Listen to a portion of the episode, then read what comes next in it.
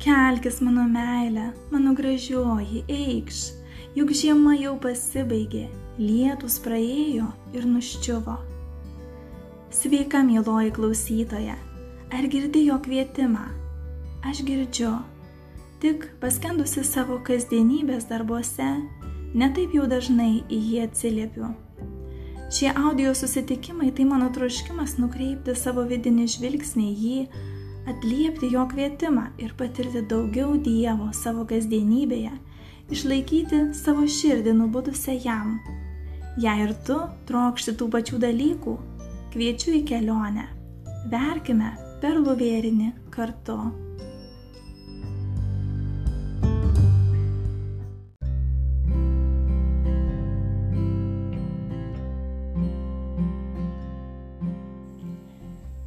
Taigi šiandien toliau tęsame susitikimų ciklą ir bandome atsakyti klausimą, kas tu esi.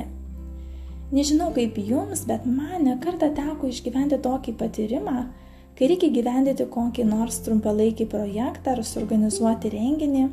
Ir tam, kad būtų pasiektas tikslas, paprastai yra subūriama trijų ar penkių žmonių komanda ar grupė. Ir man be galo įdomu stebėti tos grupės dinamiką ir kaip kiekvienas narys prisideda prie bendro tikslo savo unikaliomis dovanomis. Taigi mano vaidmuo toje grupėje buvo gyvybiškai svarbus. Ir jeigu manęs nebūtų buvę, tas galutinis rezultatas, kuris būtų pasiektas, nei iš tolo neprilygtų tam, koks buvo rezultatas, kai aš įdėjau savo pastangas bet lygiai taip pat ir kiti komandos nariai buvo gyvybiškai svarbus ir jų indėlis buvo lygiai taip pat be galo svarbus. Taigi šiandien kalbame apie gyvybiškai svarbų tavo vaidmenį. Ir toliau keliausime knygos žavingoji puslapiais, bandydamos atsakyti į klausimą, kas tu esi. Pasiklausykite ištraukos.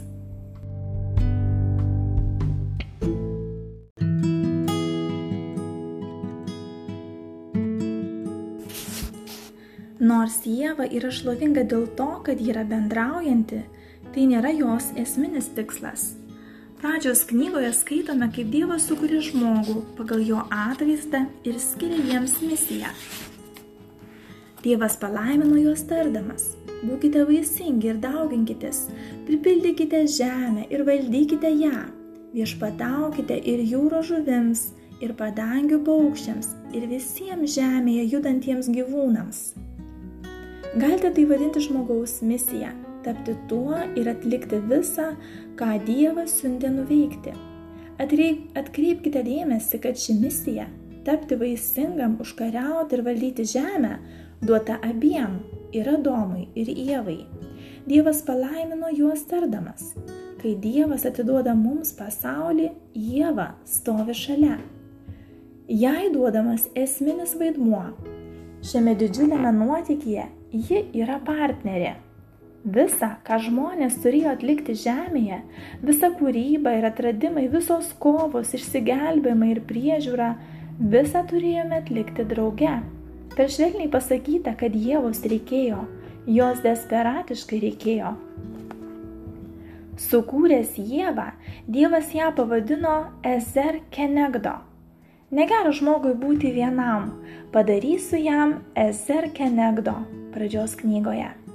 Hebrajų kalbos žinovas Robertas Alteris, praleidęs daugybę metų versdamas pradžios knygą, sako, kad šią frazę nepaprastai sunku išversti.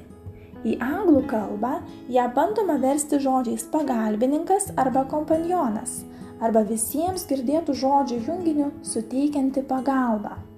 Kodėl šie vertimai yra tokie nevykę, nuobodus, nieko nesakantys ir nuvilintys? Beje, ką reiškia suteikianti pagalba? Robertas Alteris šią frazę verčia žodžiais esanti šalia, palaikanti. Tai žymiai aiškiau. Žodis ezer kitose Senojo testamento vietose vartojamas tik 20 kartų ir kiekvienu atveju kalbama apie paties Dievo asmenį, tuo met, kai kam nors desperatiškai reikalinga jo pagalba. Štai ištraukiu iš 20-osios psalmės. Tai išklauso tave viešpats negandos dieną, Jokūbo Dievo vardas te saugo tave, te siunčia tau jis pagalbą iš šventovės, iš Sijono te palaiko tave. Daugelio minėtų Biblijos ištraukų kontekstas yra gyvenimo ir mirties klausimas. Tuomet Dievas yra vienintelė jūsų viltis, jūsų ezer. Jei jo nebūtų šalia, būtumėte žuvęs. Taigi geresnis žodžio ezer vertimas turėtų būti gyvybės išgelbėtojas. Kenegdo reiškia esantis šalia. Šio žodžio reikšmė priešinka žodžio kompanionas reikšmiai. Šis moters troškimas didžiajame nuotykėje dalyti savo gyvenimu kyla tiesiai iš Dievo širdies Dievas ilgisi to paties. Jis nenori būti tik dar vienas mūsų pasirinkimas. Jis nenori būti priedas, uodega, lygiai taip pat ir moteris. Dievas yra esminis. Jis nori, kad mums jo desperatiškai reikėtų. Jėva yra esminė. Jai duotas nepakeičiamas vaidmuo. Taigi moteris, apdovanota nepaprastu atsidavimu, turi sugebėjimą iškesti didžiulius sunkumus ir viziją padaryti pasaulį geresnį.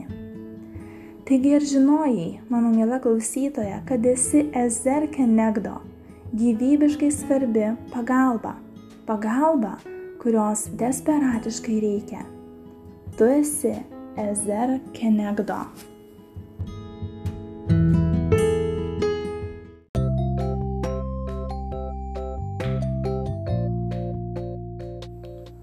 Taigi, mėloji, palieku tave su klausimu, ar prisimeni kokią situaciją savo gyvenime, kai buvai nepakeičiama, gyvybiškai svarbi?